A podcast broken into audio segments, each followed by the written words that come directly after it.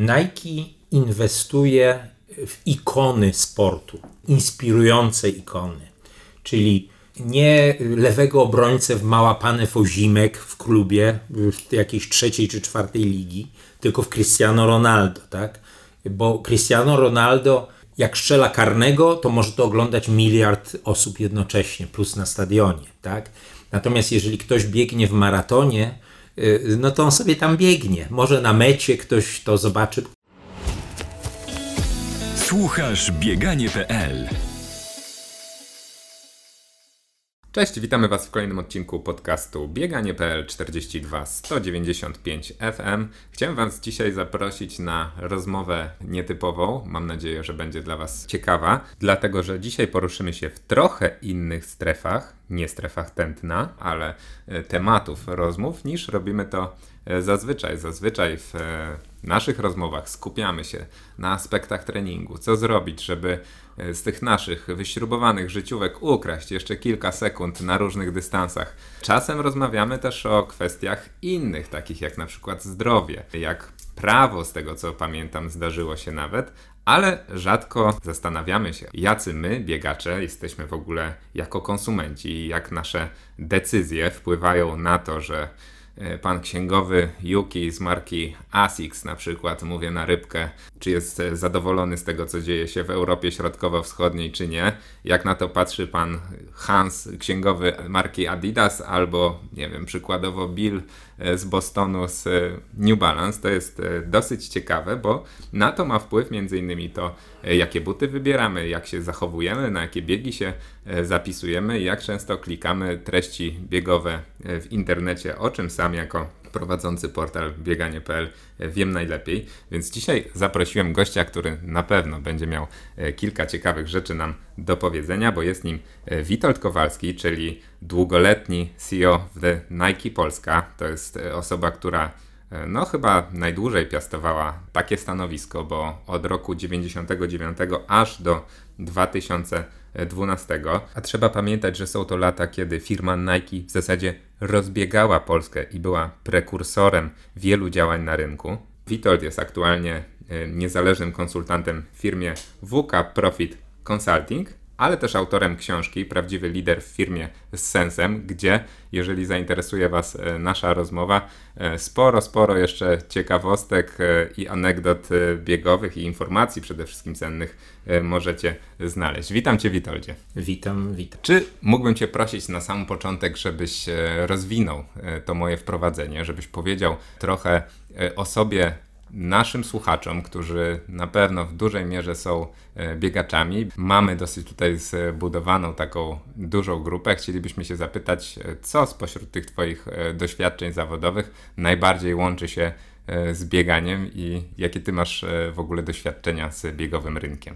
Małe sprostowanie. Ja w tej chwili od 11 lat jestem konsultantem biznesowym i mentorem biznesowym w ramach jednoosobowej firmy i ta książka, którą napisałem, Prawdziwy lider w firmie z sensem, to jest taki może misja moja wychowywania czy kształtowania prawdziwych liderów. I ci liderzy mogą y, właśnie być w biznesie, mogą też wywodzić się ze sportu. W Nike mm, było tak, że firma została założona przez Phila Knighta, który był biznesmenem, ale, e, ale też biegał, tak? I Bill Bowerman, pierwszy jego trener, no to on wychował e, bardzo wielu wspaniałych biegaczy w stanie Oregon i niektórzy się zastanawiali, dlaczego w stanie Oregon. Czy to kwestia wody? Nie, nie, to była kwestia metod Billa Bowermana, to był taki duch Nike, który ciągle się przy, jakby przypomin, był przypominany nawet takie maksimy Nike, Maxims to się nazywa, Nike, e, był, jedna z nich była Remember the Man, czyli pamiętaj właśnie o, o e, Bauermanie. Naprawdę niesamowita postać. W zasadzie firma Nike wywodzi się ze sportu i chce być identyfikowana ze sportem. I jeżeli powiedzieć o takiej pierwszej dyscyplinie, która stała za nią, to, to było bieganie. Futbol doszedł później, dlatego tylko, że futbol to jest najpopularniejsza dyscyplina sportowa na świecie, a, a Nike chce być firmą, jest firmą globalną i numerem jeden, bardzo silnym numerem jeden. więc nie można było minąć tego futbolu. Natomiast tak naprawdę u zarania dziejów Nike na początku lat 70. to był Running, Running, Running. Pierwszy sklep, w którym był, sprzedawał produkty biegowe w, gdzieś w Kalifornii. Pra, pierwszy pracownik, którego nawet poznałem, niestety zmarł już, no to, to, to, to, to, to był ten heritage. Gdzieś Volkswagen, taki ten ogórek jeździł po Kalifornii, sprzedawał te buty. To naprawdę te, w tle Nike zawsze było bieganie. I teraz e, to było ciekawe w Polsce, kiedy, kiedy zacząłem tak naprawdę, to e, był ten 98 e, rok. Przejęliśmy biznes od dystrybutora. To była faza rozwoju rynku był dystrybutor w momencie, kiedy Nike uznało, że warto już tutaj samodzielnie funkcjonować, e, to założona została Nike Polska. Ja zostałem od razu dyrektorem generalnym. Kilka osób z, z tej dystrybucji przejąłem, z niektórymi się pożegnałem, ale z większością funkcjonowałem e, dalej. Bardzo fajni ludzie. No i tak to się wszystko zaczęło. I, I teraz, gdyby tak powiedzieć o bieganiu, no to oczywiście y, historia Nike to jest super, bo od tam w Polsce od 10 milionów dolarów e, sprzedaży na samym początku, po tych 13 latach do 150 milionów dolarów doszliśmy, także szalony był wzrost. Mówię tu o cenach hurtowych. O produktach biegowych. O, no nie, o wszystkich produktach. O wszystkich, okay. Więc y, jeśli chodzi o bieganie, to na początku to udział y, biegania to było zero. Zero. 0,0%. Promili nie było żadnych? Nic. Po prostu jak, jak miałem spotkanie z detalistami, mówię, słuchaj, może byście coś zaczęli jakieś kupować, ubrania do biegania, to jeden podniósł rękę i powiedział, tak, kupiłem tutaj taką koszulkę i taki coś, y, bluzę i w zasadzie to już mam to 5 lat i jeszcze tego nie sprzedałem. Tak, ha, ha, ha, wszyscy ha, ha, ha. No i to, y, czyli mówiąc o początku biegania w Polsce, a, a młodsi biegacze to może nawet w ogóle nie mają tego świadomości, jak to się wszystko zaczynało. Więc y, ja, jako już tutaj y, starszy człowiek, powiedzmy, przypominam sobie, że w 70 latach było Studio 2. Taki całą sobotę leciało w, w telewizji polskiej Studio 2. I tam był Tomasz Hopfer, który się specjalizował w, właśnie w sporcie. I on y, kiedyś powiedział: Biegaj razem z nami, taką zrobił kampanię. No i, y, i tam mu się udało zebrać na takiej imprezie biegowej 3600 chyba 600 osób, ale w większości to byli żołnierze, których tam ściągnął, no, żeby zrobić tą frekwencję. Y, no ale, ale niewątpliwie ta idea biegania na chwilę w tych 70 latach się pojawiła, a później zniknęła. I tak naprawdę y, imprez biegowych w Polsce było mało, i żadna z nich nie, nie zebrała więcej niż tam półtora tysiąca, to już byłoby idealnie, tych uczestników, biegaczy. To był kompletnie niszowy rynek, w Polsce po prostu nieistniejący. I teraz pewnego dnia w 2004 roku moja centrala, mój szef na, na tutaj ten cały region powiedział, wiesz Witek, słuchaj, zrobicie imprezę biegową pierwszą, tak? I cel jest taki, żeby 5000 osób było na tej imprezie. No więc e, jak ja to przekazałem do mojego marketingu, to wszyscy spuścili wzrok, rany boskie, o co chodzi. Ale dostaniecie na to pieniądze, tak? Dostaniecie na to pieniądze, tylko że to nie była kwestia pieniędzy, to była kwestia mentalna tak naprawdę. Ludzie po prostu nie biegali. Mój kolega ze Stanów, który tutaj gdzieś przyjechał z Nike na jakąś wizytę, a biegał, to mówi, w Warszawie mówi, o przebiegnę się z Mariota do Parku Łazienkowskiego, tak? No i biegnie po tych pustych ulicach, gdzieś tak gdyby biegł w Nowym Jorku, to by tam 200 osób w 5 minut y, spotkał, biegających, a tu nic, nic, nic, nic. W końcu gdzieś bliżej tego y, parku jest, biegnie. No to od razu do niego podbiegł, przywitał się, okazał się Amerykanin, też w Mariocie mieszkał. Tak? No i takie były początki tego biegania, więc ten cel 5000 to był naprawdę y, y, cel.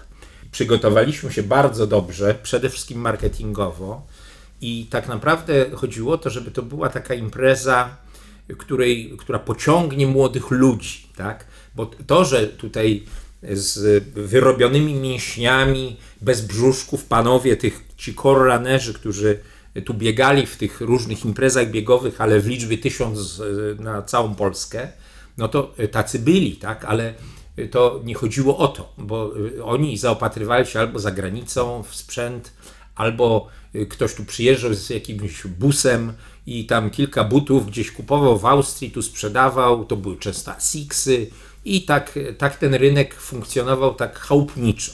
Z bagażnika to dużo Z bagażnika, dużo absolutnie, absolutnie z bagażnika.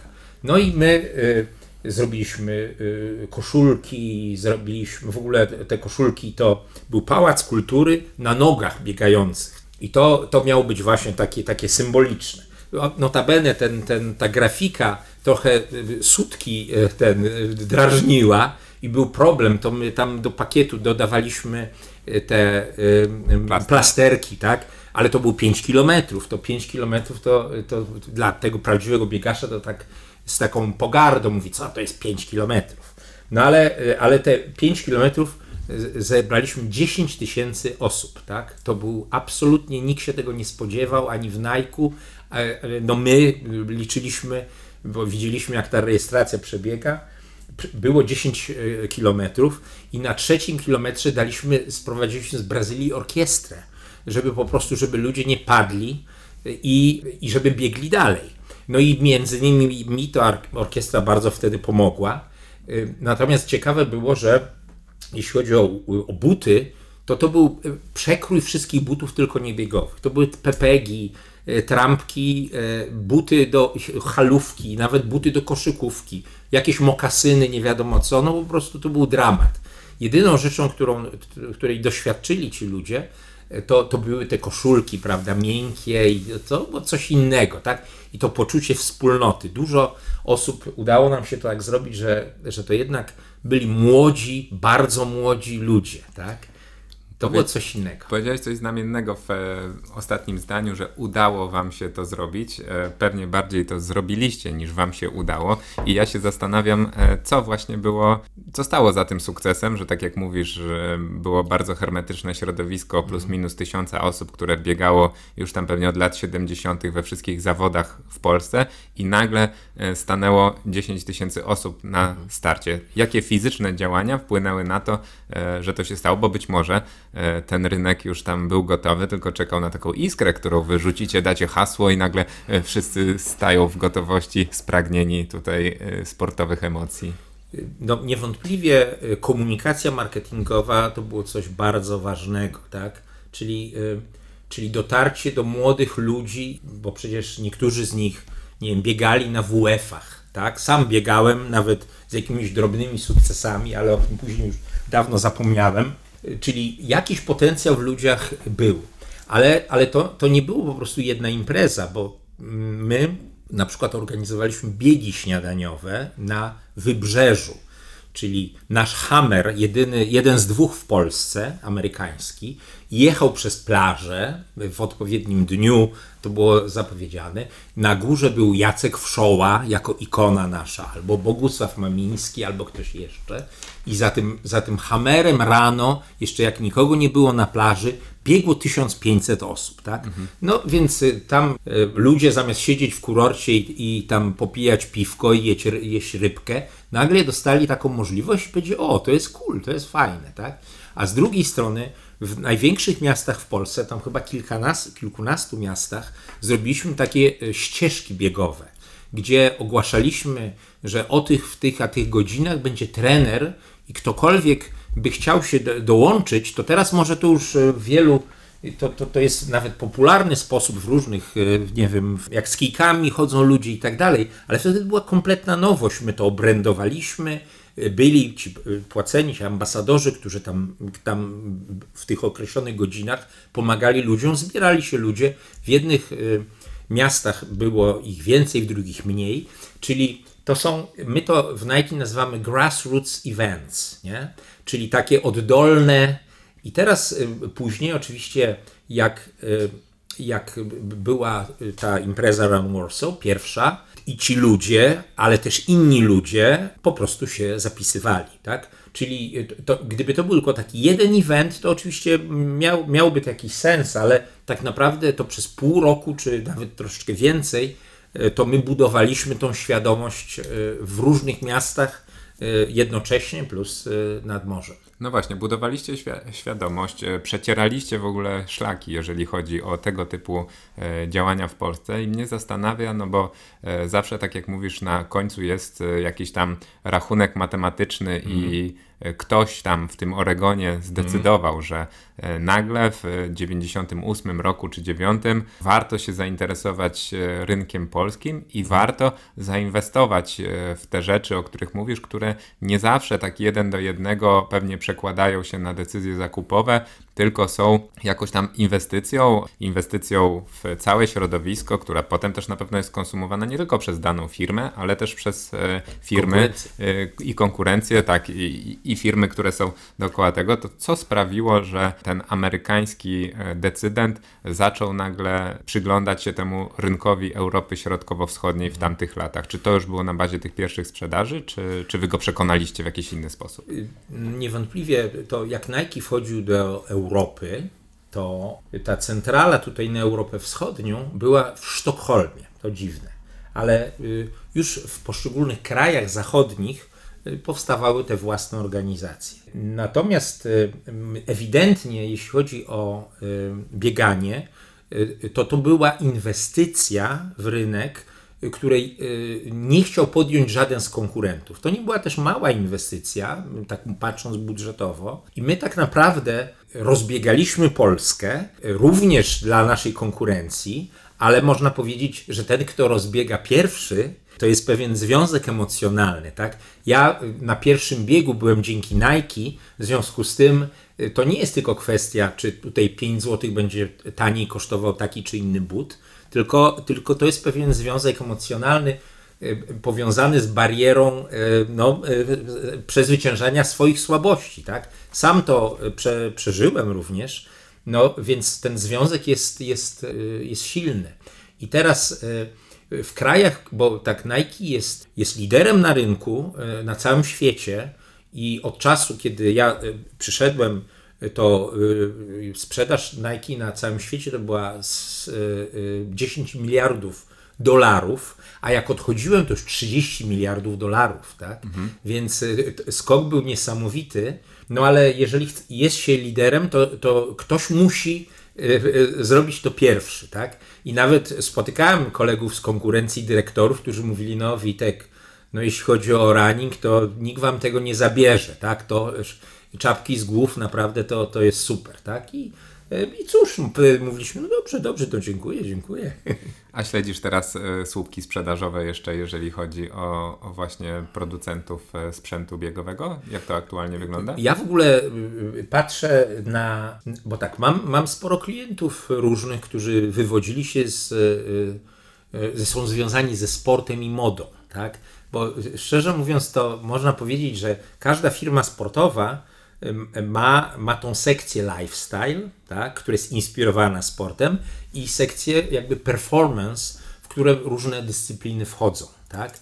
Więc y, można powiedzieć, że były firmy, które postawiły na y, typowo na lifestyle. Był taki moment w Polsce Puma, kilka butów zrobiła i nagle wszyscy chodzili w butach Pumy, nie wszyscy, ale, ale bardzo wiele się spotkało. Ale to trwało chwilę, a później nagle to był zjazd. No bo w Nike zawsze się powtarzało, że Nike is not about fashion. Nike to nie jest moda, tak? Bo gdyby była modą, e, to, to wtedy to, to mamy tutaj Zary i tak dalej, i tak dalej, inne modele biznesowe. Natomiast nasze korzenie są zdecydowanie w sporcie. Więc e, teraz najlepiej firmy zarabiają jednak na lifestyle, bo to jest najszerszy rynek, tak?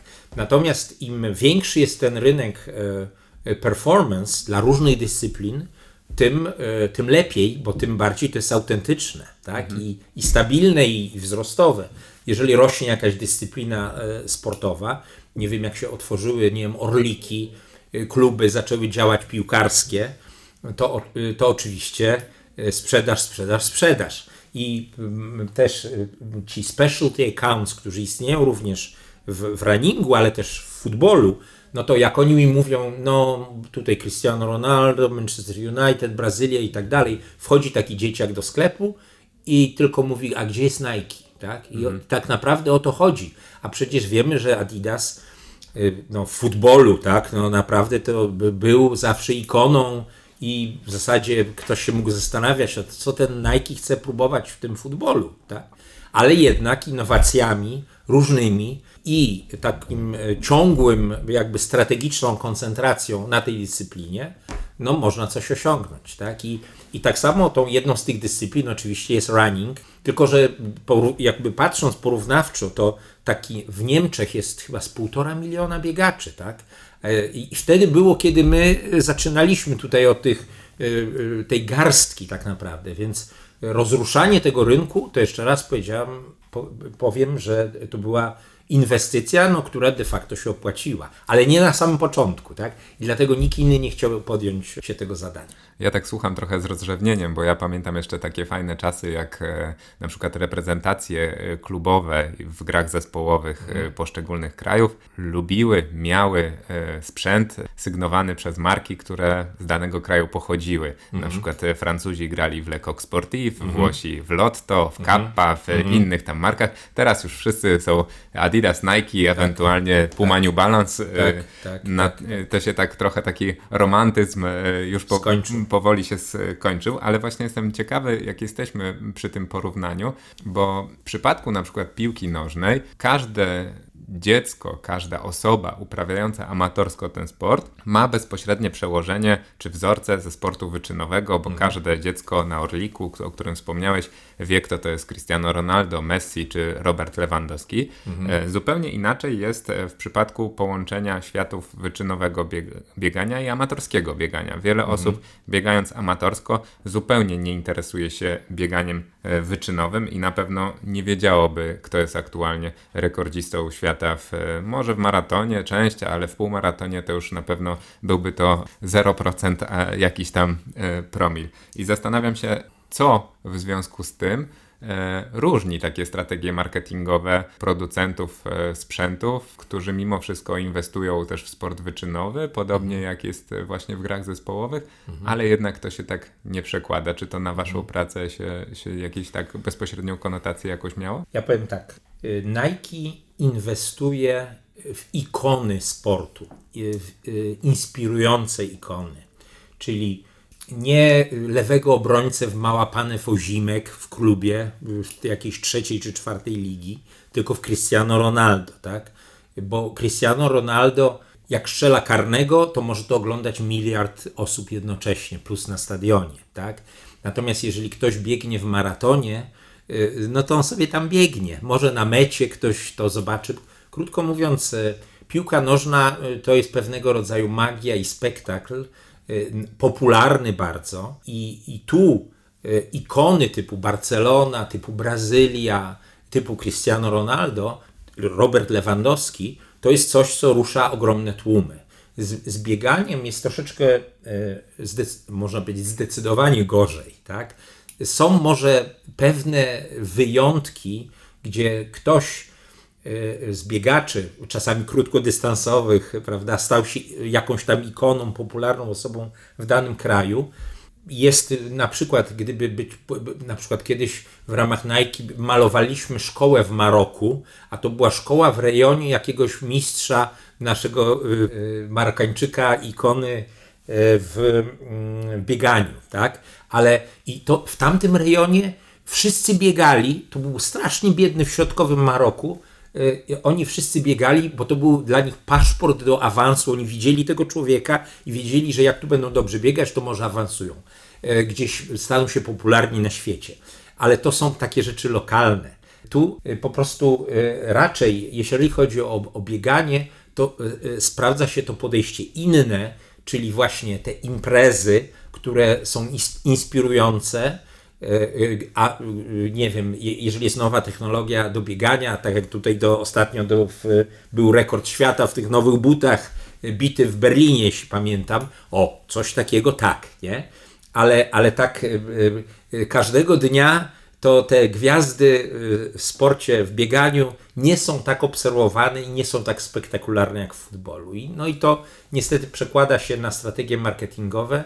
De facto na przykładzie Polski Run Warsaw bo gdyby odpowiedzieć tą historię dalej, bo to dopiero początek, w następnym roku, na, na końcu tego biegu powiedziałem, w następnym roku 15 tysięcy ludzi. No i było 15. W następnym roku powiedziałem 20 tysięcy ludzi i było 20 tysięcy, co było absolutnym rekordem. Zostaliśmy się imprezą roku przeglądu sportowego, odbierałem nagrodę w sali kongresowej między Małyszem a, a Smolarkiem, więc na żywo 5 milionów osób e, tych e, oglądających i to, to, było, to było naprawdę cool, ale, ale można powiedzieć jeszcze, mówiąc o tej barierze, to, to było ciekawe, że, że doszliśmy do 20 tysięcy, później zorganizowaliśmy bieg The Human Race, który startował jednocześnie w 20 miastach świata, jednocześnie. I, i my się załapaliśmy dzięki tym naszym bieg, imprezom do tej dwudziestki, tak? A jakbyś wymienił 20 najważniejszych miast na świecie, to na pewno Warszawa nie byłoby jedną z nich, tak? Mhm. Z tych miast. Więc, więc ten bieg się odbył, y, ale y, nasi biegacze tutaj, korranerzy powiedzieli, no tak, 5 kilometrów to, to, to każdy głupi przebiegnie. 10 kilometrów, jak zgromadzicie ludzi, to będzie coś. No to zrobiliśmy już e, na 10 km, już nigdy później nie wróciliśmy do 5 km. Ale na tym biegu, gdzie zostaliśmy imprezą roku, to wpadliśmy na jeden pomysł. Na czwartym kilometrze zrobiliśmy taką bramę na dwie strony. Można było kontynuować do mety te 5 km, albo można było przebiec dalej i biec 10 km. I zobaczyliśmy, że 60% osób zdecydowało się jednak biec Y, te 10 kilometrów, no bo to już byłoby głupio, jakby tutaj pan biegł i tu cieniasy to kończą na 5 kilometrów, no to ja może dam radę najwyżej do tam, czyli, czyli w tej głowie wiemy, że, że bieganie, jak się przebiegnie 5, to 10 kilometrów jest tylko w głowie, tak? Więc my te głowy ustawialiśmy. I jak już się ludzie zdecydowali na te 10 km, to powiedzieliśmy, dobra, koniec z 5 kilometrami, teraz już są ludzie gotowi na 10 km. No i tak to się stało. No ten efekt wizerunkowy y, i to, co mówiłeś o tym y, DNA Nike, które, mhm. które gdzieś w was siedzi, ja widzę w tobie, jak, e, jak ty e, mówisz o tym z dużą pasją, a też e, znam sporo osób, które w tamtych latach pośrednio, bezpośrednio współuczestniczyły w tym procesie rozbiegiwania Polski i ja też w dalszym ciągu widzę, że że ta marka z łyżwą gdzieś tam e, zna, zna, znaczy dla nich coś, e, coś tak. więcej niż, niż zwykły producent. To jest bardzo ciekawe zjawisko i fajne. Widać, że ten cel osiągnęliście. A ja się jeszcze tak zastanawiam, słuchając tego, jakim konsumentem w cudzysłowie jest polski biegacz? Czy on się czymś wyróżnia na tle biegaczy średniej, powiedzmy, populacyjnej na świecie? Czy na przykład można powiedzieć, że nie wiem, Polacy są bardziej oszczędni i rzadziej zmieniają buty, czy może lubią mieć, właśnie są gadżeciarzami i, i muszą mieć więcej sprzętu na początek, czy są w ogóle jakieś takie e, dane, analizy, które e, śledziłeś, nawet historyczne? My niestety zaczynaliśmy od, e, od tego, że sprzedawało się stokowe buty z przyczepy przy imprezach biegowych, tak? Czyli świadomość technologii, co może y, ci zaszkodzić, a co może y, ci nawet przyspieszyć y, twój bieg, rodziła się powoli, tak? I to dotyczyło zarówno samych butów, ale też nawet ubioru, tak? No bo kiedyś to, a, to się brało t-shirta, jakiegoś tam dresy i, i biegło się, tak? Natomiast myślę też, że na przykład jak czasami sobie biegnę i widzę ludzi w tych oryginalnych koszulkach z, tych, z początków, tam 2005, 2006, 2007 roku, to ja ich pozdrawiam, sam mam taką koszulkę, trenuję też e, intensywnie tutaj w fitnessie i sam e, w tych koszulkach biegam, to jest taki, taki że tak powiem, e, no, sentyment bym powiedział. No na pewno jest coś takiego, że że po prostu siła nabywcza w, w, zachodniej Europie jest troszeczkę inna niż w Polsce, tak? czyli wyższa. W związku z tym to się przekłada na, y, y, na średnią cenę y, zakupu na przykład butów. Tak?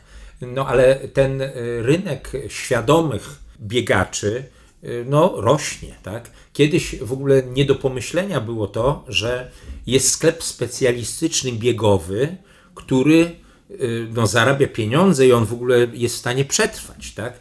E, mam, e, był kiedyś taki sklep Ergo tutaj na, na Alei Jana Pawła II, notabene mojego kolegi jeszcze z czasów, jak pracowałem w ambasadzie amerykańskiej. No i to, i to był tak naprawdę, nie wiem, dwa sklepy.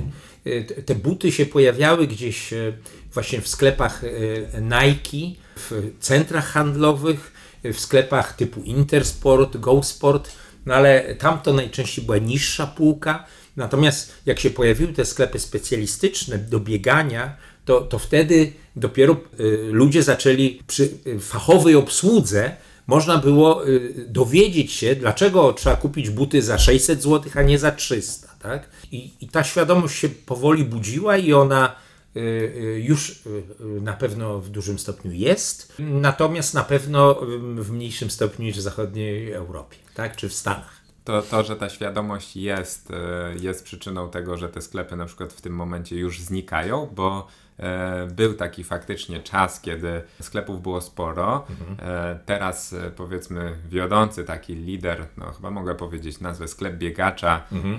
Mój klient. Tak, tak, który, który no robi y, do dzisiaj super robotę marketingową, mhm. ma bardzo fachową wiedzę i rozpycha się też łokciami w internecie, widać naprawdę super materiały i super e, specjalistów mają na miejscu. E, I na przykład oni też e, poszczególne filie jednak zamykają mhm. i dążą do takiej centralizacji. Czy to się wiąże z tym, że już ta świadomość jest tak duża, że ludzie już tego przestają trochę potrzebować takiej bezpośredniego kontaktu? Na, na rynku, bo tak, rynek w, w, najpierw był zerowy, później nagle eksplodował, tak? I powstawało bardzo wiele tych sklepów specjalistycznych ale jednocześnie to, co się zaczęło dziać, to jest, to jest w ogóle bardzo ciekawe, że my rozbudowaliśmy sieć sklepów Nike Only i Shopping Shop. Mhm. No i to całkiem dobrze nam zaczyna, zaczęło wychodzić, ale centrala słusznie e, uznała, że te sklepy nie mogą sprzedawać tego, co tam e, ci detaliści chcą zamawiać, tak? Tylko, że w oknach i w strefach tych sklepowych powinien Y, być nasz heritage, czyli bieganie, piłka nożna i inne, tak?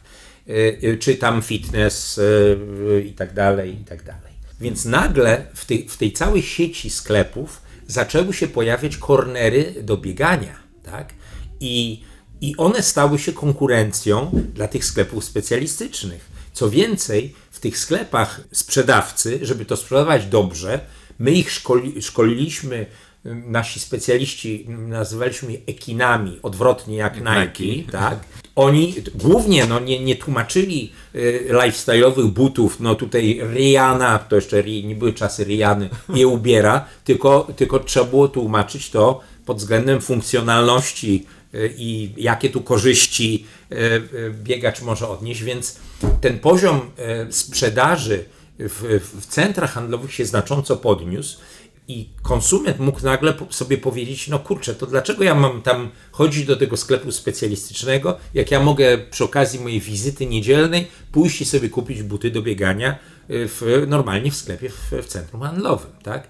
I po prostu przyszedł taki moment, kiedy, y, kiedy ten rynek się przesycił, tak? Bo to, żeby dotrzeć do sklepu na, na, na bo, w bocznej uliczce, tak? który miał mały czynsz, no to trzeba było się tam specjalnie pofatygować, tak?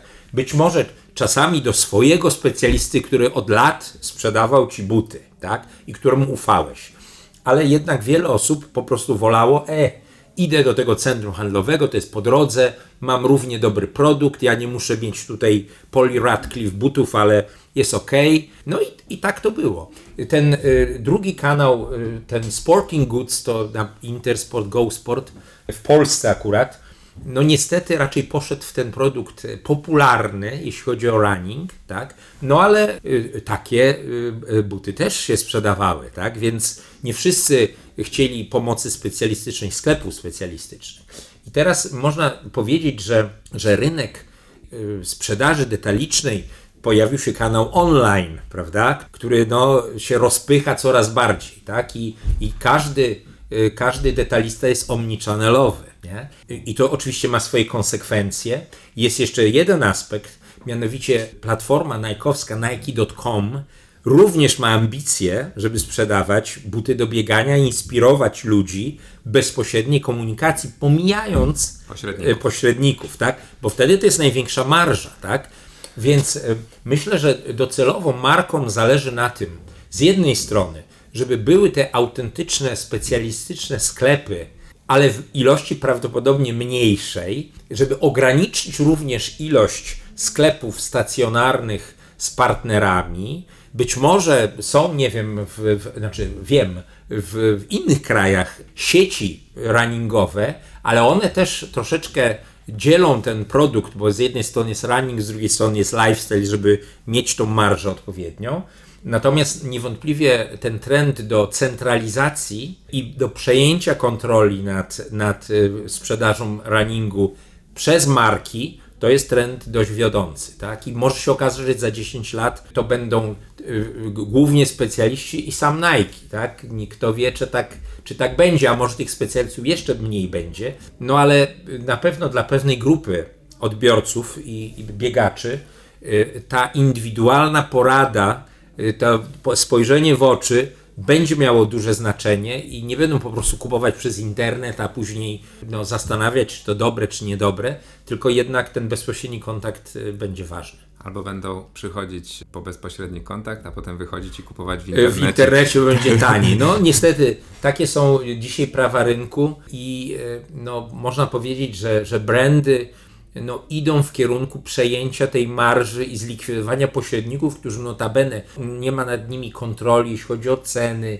y, czy oni y, są wystarczająco autentyczni, tak? No bo y, prezentując bieganie i sprzedając bieganie, no można to robić tak jak, jak pietruszkę, tak?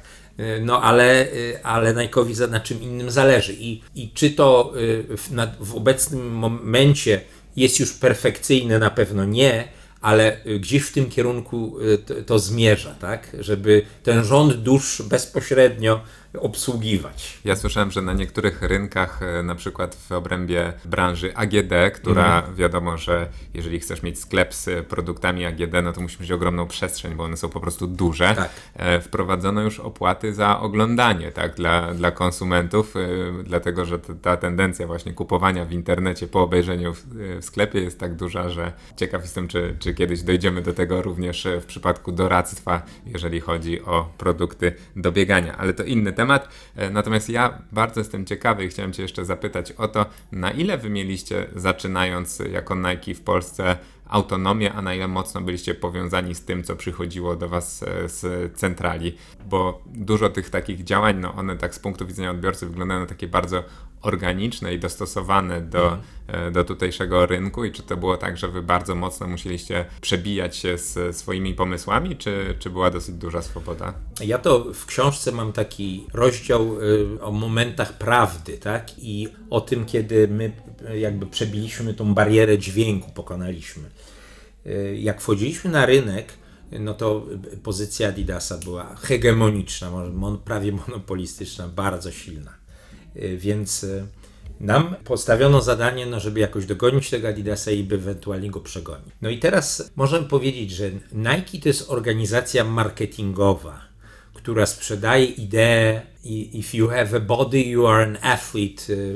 By, być inspiracją dla sportowców całego świata. Jeżeli masz ciało, y, to znaczy, że jesteś sportowcem, tak? Po prostu ciało, nawet gr, grubsze troszeczkę, pulchniejsze. Więc my cztery razy do roku mieliśmy sezony sprzedaży y, i, i robiliśmy to, sprzedawaliśmy i mieliśmy ustalone kolekcje światowe y, i ustalone działania marketingowe, które mogliśmy sobie adoptować do naszych warunków.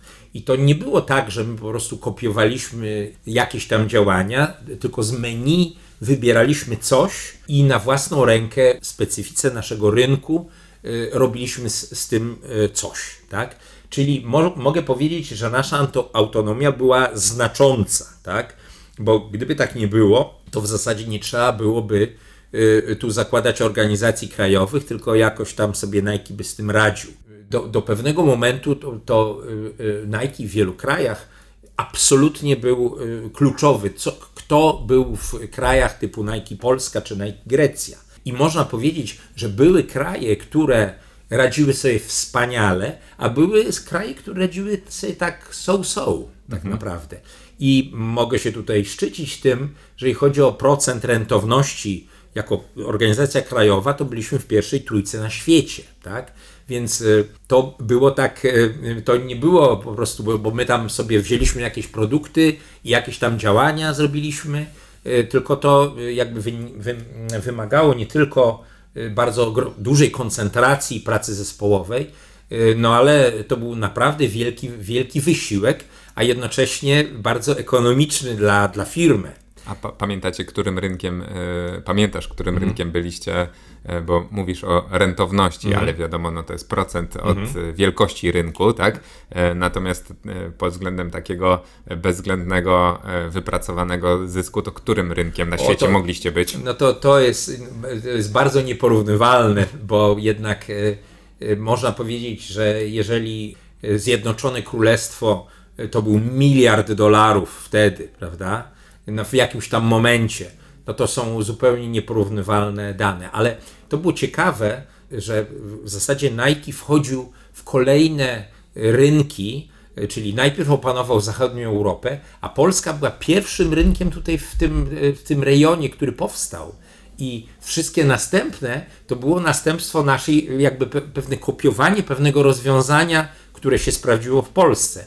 Ale było ciekawe na przykład, że Adidas, konkurencja miała w każdym kraju jakiś magazyn, z którego obsługiwała rynek, a my weszliśmy w sytuację taką, że był, że był magazyn centralny w Lagdal w Belgii, centrala w Holandii, zupełnie nowy model biznesowy i, i dostarczane były produkty z tego magazynu pod drzwi klienta w Polsce. Tak? Mhm. Nikt inny tego wcześniej nie robił. I to również było ogromne przedsięwzięcie logistyczne, żeby to, e, żeby to zorganizować. Tak? Wybieraliśmy firmę, jak to zrobić w ogóle, e, żeby to działało. Tak? Czyli byliśmy pewnymi pionierami. Później kolejne rynki tutaj się otwierały, a w naszym rejonie e, to, to, to nie tylko tam Czechy, Słowacja czy Węgry, tak?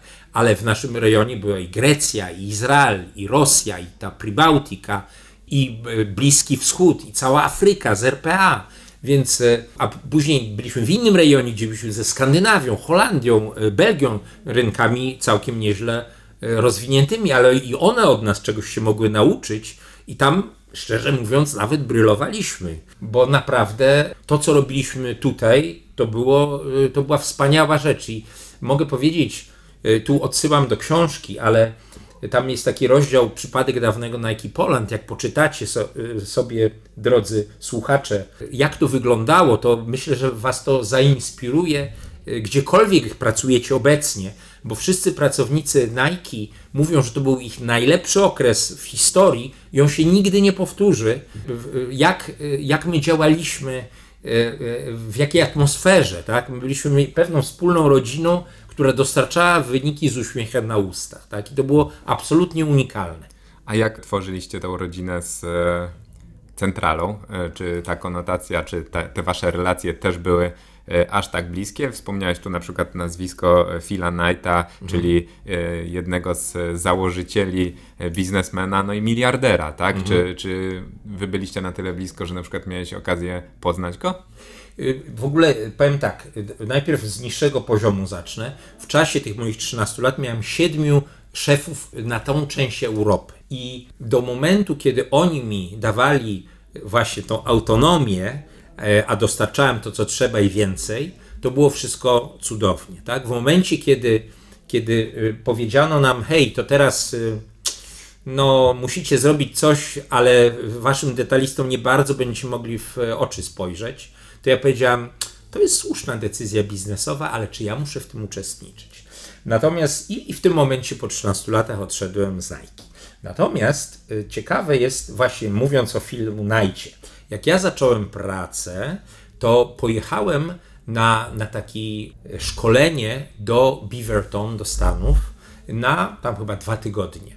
I mój szef, Peter Siolander, powiedział: Słuchaj, ja ci załatwię spotkanie z wszystkimi po kolei, tak? I, I ci ludzie, projektanci najważniejsi, i szefowie aktualni, e, czy wtedy szefowie regionów Ameryki Południowej, Europy i tak dalej, i tak dalej, ja z nimi rozmawiałem, tak? Jak mnie rekrutowano, to ostatnią rozmowę miałem z Charlie Densonem, e, ikoną, też jednym z najstarszych pracowników, który wtedy szefował Europie. Później przyszedł e, Fritz van Paschen, który wprowadził takie metody zarządzania McKinsey i to wtedy już się to wszystko bardzo ucywilizowało. Natomiast Phila Knighta y, pokazywał się na naszych imprezach, sales meetingach w Stanach Zjednoczonych. Natomiast w czasie tej jego wizyty, kiedy ja siedziałem na słynnym czwartym piętrze w budynku McEnroe Building w Beaverton, nawet w pokoju jednego z tam szefów, no tam to była absolutna wierchuszka, to w pewnym momencie patrzę, wyszedłem na korytarz, z daleka Phil Knight. No więc podszedłem, przywitałem się, o jestem z Polski, tu nowy dyrektor generalny, no dzień dobry, dzień dobry, Baja, i tak dalej, i tak dalej. Czyli, czyli ten, y, ten film ciągle gdzieś był w tle, natomiast y, tam kilka jeszcze osób było poniżej, które naprawdę były też ikonami. No już pomijam jakby kwestię samych sportowców, bo w momencie, kiedy my mieliśmy te sales meetingi, to zawsze firma zapraszała którąś ze swoich ikon żeby z nami porozmawiała. I czasami można było do takiej osoby po pierwsze jej wysłuchać, y, zadać pytanie, ale zrobić sobie zdjęcie, a nawet przez chwilę y, y, porozmawiać. Tak? No i na przykład z Michaelem Jordanem, który w Stanach, w Miami, jak mieliśmy sales meeting, przyszedł, porozmawiał. Było też spotkanie z, no, z wieloma, wieloma i, z, piłkarzami, i, i sportowcami. Nawet y, y, kiedyś zorganizowaliśmy taką imprezę dla, dla detalistów futbolowych, gdzie pojechaliśmy do Barcelony. Najpierw tam z, z, kilkoma osobami, Pepe Guardiola i tak dalej, i tak dalej, a później ubrali nas od stóp do głów, zrobili nam trening piłkarski na, na boisku, a następnie grę, tak? Strzeliłem tam dwie bramki, więc od razu moja, moja, że tak powiem, rola skoczyła w, w górę w, w, oczach, w oczach moich kolegów, ale oni to zrobili w ten sposób, że jak wysiadaliśmy z autokaru y, tam na ten, ten stadion, to byli fotoreporterzy, żebyśmy się tak poczuli, po prostu, a właściwie nasi detaliści poczuli się jak Barcelona, naprawdę. Ale Camp Nou było pełne? Było 60 no nie, tysięcy? No, mieliśmy y, kolację na, na, na środku Camp Nou, tak, gdzie Pep Guardiola do nas mówił, no ale dla, dla detalistów i dla nas, tych opiekunów, choć dyrektorów, którzy tam pojechali, to było niesamowite przeżycie. I, i wiele razy tak się zdarzało, że, y, y, że czy to był Phil Knight, czy inne osoby, ikony, pierwszy pracownik Nike'a, gdzieś tam po prostu ciągle ta interakcja z tymi ludźmi była, a oni, nie, oni skracali ten dystans, tak? Czyli nie było czegoś takiego, że oni gdzieś tam byli zamknięci i w ogóle nie było do nich dostępu. Było ok pod tym względem. Chyba każdy, kto nas teraz słucha i pamięta tamte czasy, nie ma wątpliwości co do tego, że zrobiliście świetną robotę i tak jak już wcześniej wspomniałem, to DNA Nike wyryło się w serduszkach e, bardzo wielu e, tych osób. I zastanawiam się, jak w takim razie wytłumaczysz tą sytuację, którą mamy dzisiaj, bo dzisiaj Nike bezpośrednio w Polsce, jeżeli chodzi o taki marketing biegowy, nie funkcjonuje. Jesteśmy chyba zarządzani, nie wiem, czy z Berlina, czy, czy skądś tam, ale widać, że ta aktywność na takim poziomie lokalnym względem innych marek, które e, wciąż organizują treningi, wciąż mają gdzieś jakieś siedziby, e, aktywnie działają, pozyskują też e, ambasadorów takich z poziomu mikro, influencerów, luźniej też związanych z bieganiem, to widać. Nike jest jakby w innym miejscu. Czy to wynika z tego, że wy zrobiliście im taką podbudowę, że mogą sobie na to pozwolić, czy to jakieś inne decyzje biznesowe za tym stoją? Jak byś to wytłumaczył? Ja to w książce opisuję, że każdy szerpa Y, który wszedł na K2, pamięta, to jest pewne okienko, które się pojawiło i, i u nas to okienko trwało 13 lat. Później było po mnie jeszcze, y, jeszcze dwóch, y, dwóch dyrektorów generalnych, z jednym się przyjaźnie nadal, drugi gdzieś tam jest, prawda, ale to jest tak, że Nike zdecydowało się w celach również, no przede wszystkim ekonomicznych, tak, że w pewnym momencie zrezygnuje z powiedzmy funkcjonowania czy pewnej aktywności w krajach, które uznaje za mniejsze, tak? Czyli po, z, zrobiło takie regiony większe, których cen, centralną stolicą było miasto, które uznali za powiedzmy wiodące dla trendów światowych, tak? Czyli na pewno to taki był Londyn, to jest Paryż, to jest Madryt, y, ale to jest Berlin, a już tą Warszawę to, to, to już y, jest tutaj jakaś tam jeszcze resztka y, organizacji, która gdzieś tutaj sobie funkcjonuje, ale większość tych funkcji zostało przeniesionych do Berlina.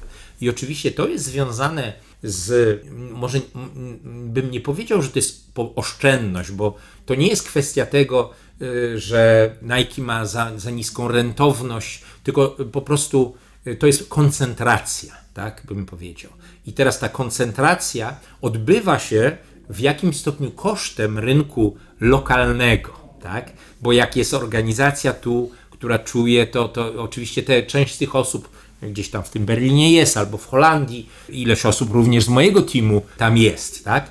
Natomiast to już nie jest to samo. I na dzisiaj to jest tak, Nike sobie całkiem nieźle radzi i można by powiedzieć, że z punktu widzenia ekonomicznego to jest uzasadnione, ale z punktu widzenia tego szarego korranera lub wybijającego się korranera, to on mo może poczuć, że, że, że to już to trochę inaczej wygląda, tak?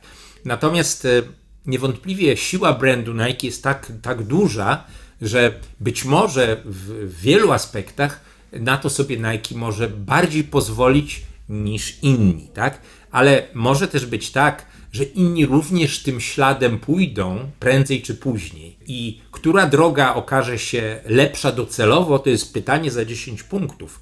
Bez względu na to, jak to wygląda w tej sekundzie, jak to jest postrzegane przez biegaczy y, w Polsce po prostu. Niewątpliwie to, że jest sklep biegacza, że, że są sklepy jeszcze najkowskie i one później też przejdą pewną y, metamorfozę, znowu tam koncentracja nastąpi pewna, no to to oczywiście pokazuje, że, że po prostu y, takie less is more, tak? Że mniej, mniej podmiotów, a pod większą kontrolą i wtedy one robią dokładnie to, czego Nike y, chce, tak?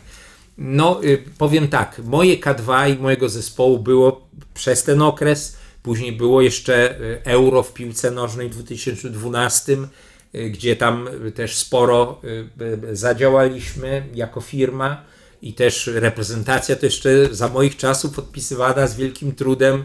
To osobne spotkanie, jak to wszystko wyglądało.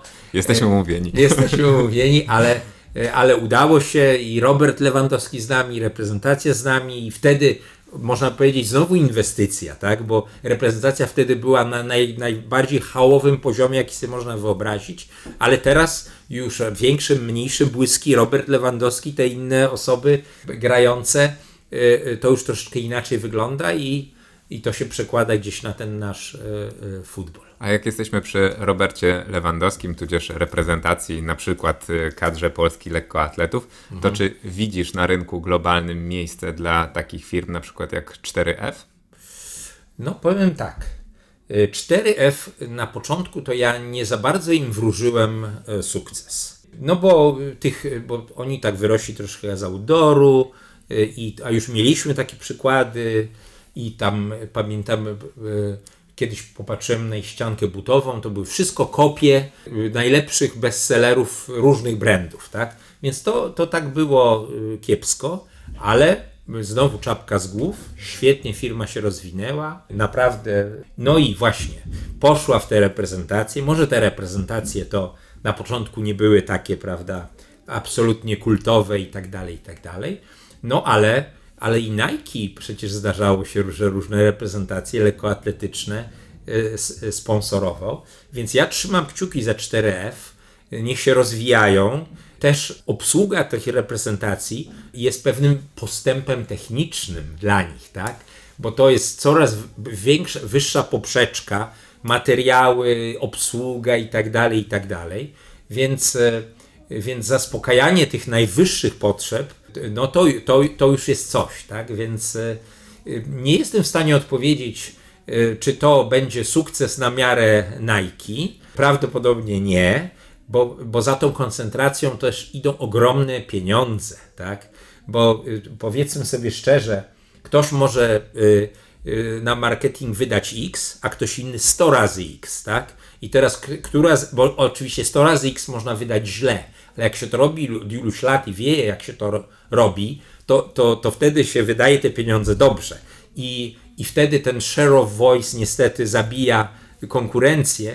I mówiąc o w ogóle całym rynku sportowym, to jednak e, te główne brandy będą odgrywać e, z, znaczącą rolę, dlatego że są coraz większe i, i coraz bardziej dominują ten rynek. Będą oczywiście marki niszowe, one są i w sporcie zwykłym, i w tu w outdoorze, i okej, okay, one będą funkcjonować, tak? Ale, ale jednak duży niestety może więcej.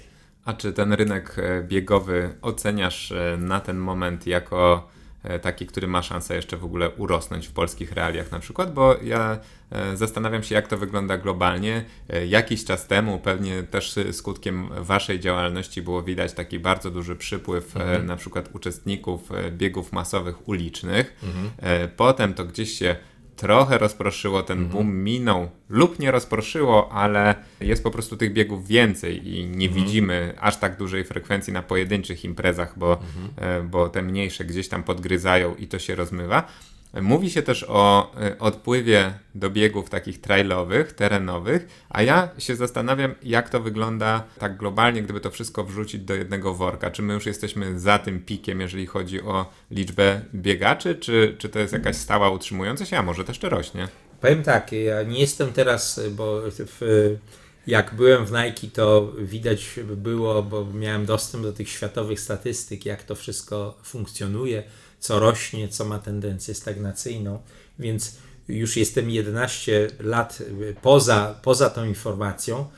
Jedynie z punktu widzenia poszczególnych podmiotów mogę na to patrzeć, czy to rośnie, czy to spada i czy się koncentruje, czy decentralizuje. Ja myślę, że my, nasz system edukacji w różnych aspektach troszeczkę, już mówiąc o samej Polsce, zawodzi, tak bym powiedział, delikatnie mówiąc. I myślę też, że jeśli chodzi o kulturę sportu i biegania, y, to tam chyba tego jest y, za mało.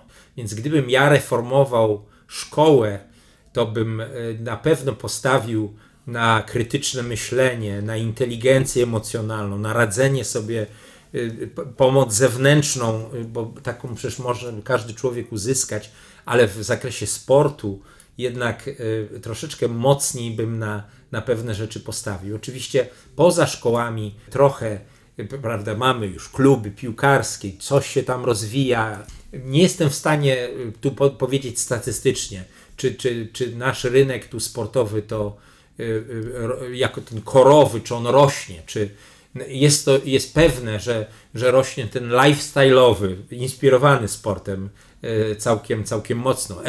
Maxa kiedyś się biegało, teraz się chodzi do klubu tak? Więc też rozdzielenie tego y, to jest, jest, jest pe pe pewnym kłopotem, aczkolwiek firmy sobie z tym generalnie radzą.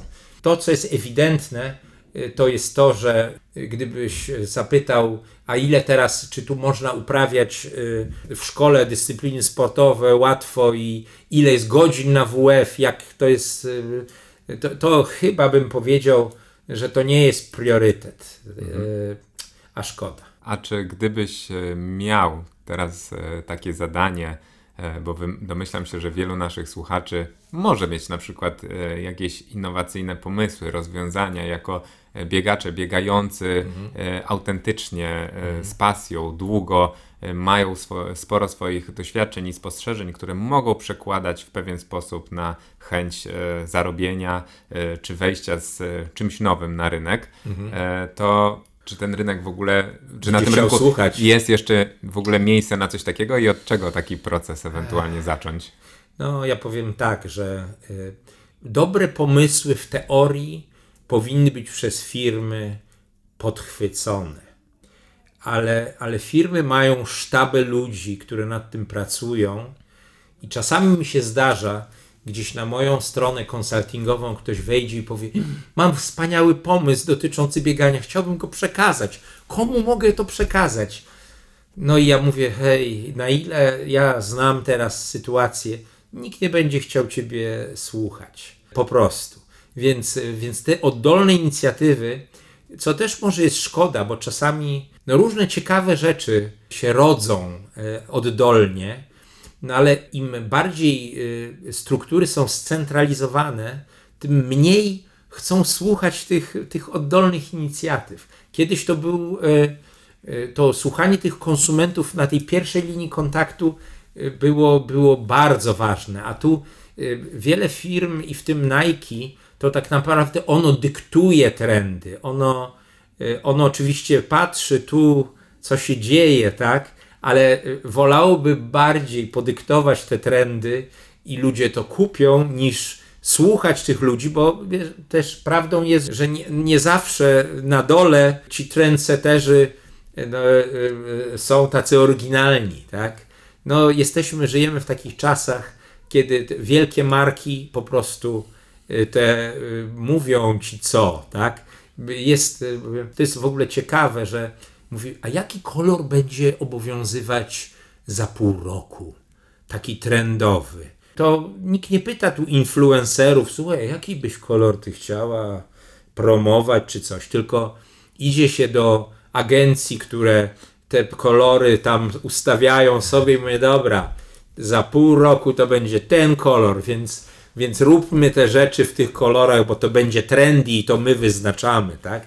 Czyli czasami my myślimy, że my wszystko kontrolujemy i wybieramy, a tak naprawdę to ktoś za nas to wybiera. Nie? Tak, no tak, taki je, los. jeszcze myśli o naszym guście, bo jak ja obserwuję na przykład e, te korowe marki, które wypuszczają kolekcję sezon po sezonie, to często mm. jest też tak, że właśnie e, jedna duża marka idzie powiedzmy w szarości, jakieś monochromy, mm. a druga w pstrokate kolory, a za pół roku się zamieniają. Zamieniają, tak, tak, tak, tak jest, bo to jednak zawsze jest kwestia wyboru, tak? No i cóż, i, i czasami, bo jak, jak ja zaczynałem w Nike, to jak pojechałem na Śląsk do jedynego sklepu Nike Only, to Krysia, która była właścicielką tego sklepu, mówi: Słuchaj, Witek, tutaj na Śląsku to się tylko czarne rzeczy sprzedają, bo tutaj wali z tych kominów i to by codziennie trzeba było prać, nie? A w momencie, jak wprowadzaliśmy coraz odważniejsze kolory, to nagle okazywało się, że można to zrobić. Ale to też, y, y, to też jest ciekawe, że my wprowadzaliśmy te kolory. Pamiętam kiedyś e, e, takie, takie spotkanie e, właśnie wśród dyrektorów. Nagle pokazało nam, nam ściankę, zaraz, zaraz Wam odsłonimy ściankę, najpopularniejsze buty w wersjach kolorystycznych. Zobaczycie, aż Wam oczy, załóżcie okulary, bo Was, bo wam, was porazi, tak? odsłania tą ściankę, a tu wszystko większość czarna. Tak? A, mówię, a jak wy jesteście do cholery ubrani? Wszyscy głównie w czarnym, nie? Więc y, no, można powiedzieć, że kolory to jest, to jest coś świeżego, tak? I to jest moda, raz przychodzi to, raz przychodzi tamto. Są kolory klasyczne, które nigdy się nie skończą, tak? Ale te kolory są potrzebne, żeby pokazywać te nowości, tak? I, i na przykład Nike było, było bardzo właśnie z tymi kolorami za pan brat. I, I, w ogóle było ciekawa rzecz, a propos, i wracając do biegania, że buty do biegania w dawnych czasach były cholernie brzydkie. One były po prostu okropne, tak? Żeby je ubrać tak normalnie, to to, to Boże, to jakiś parias. To, to w czym on chodzi, ten idiota, nie? Natomiast Nike jako pierwszy, i to było i w futbolu, w bieganiu, właśnie wprowadził, dlaczego buty do biegania nie mogą być ładne po prostu nie tylko funkcjonalne, ładne, tak? No i, i to się udało zrobić, tak? Że, że, że teraz to y, rzeczywiście można znaleźć y, nie tylko tą funkcjonalność, ale że to wszystko jeszcze wygląda, tak? To jest ważne. To jest szalenie istotne. Ja w tym momencie e, będę naszą rozmowę ucinał, chociaż czuję, że dopiero tak naprawdę się rozkręcamy, rozkręcamy. i moglibyśmy tych, e, tych historii więcej przytoczyć, więc e, jeżeli Witold dasz się zaprosić jeszcze kiedyś na, na taką rozmowę, to, to ja już dzisiaj zgłaszam akces i proszę, żebyś gdzieś tam zerknął w swój terminarz i wpisał mnie kiedyś na, na taką miłą pogawędkę jak dzisiaj. Dzisiaj będę kończył, dlatego że zawsze staramy się zmieścić mniej więcej w czasie dłuższego lub krótszego rozbiegania, a mam wrażenie, że jak my sobie pogadamy, no to wszyscy nasi e, odbiorcy zaraz będą musieli szukać biegów ultra, żeby się pozapisywać, skoro tak długie rozbiegania będą robić. Także serdecznie dziękuję Ci za dzisiejszą rozmowę. Dziękuję bardzo. A wszystkich, którzy mają niedosyć tego typu ciekawych i biznesowych, i nie tylko historii z, związanych z bieganiem i nie będą mogli się doczekać kolejnego odcinka, tych zapraszam oczywiście do książki Prawdziwy Lider w firmie z sensem, gdzie więcej tych rzeczy można znaleźć. Dziękuję Wam na, za uwagę i zapraszam do słuchania kolejnych odcinków podcastu bieganie.pl. Do usłyszenia. Słuchasz bieganie.pl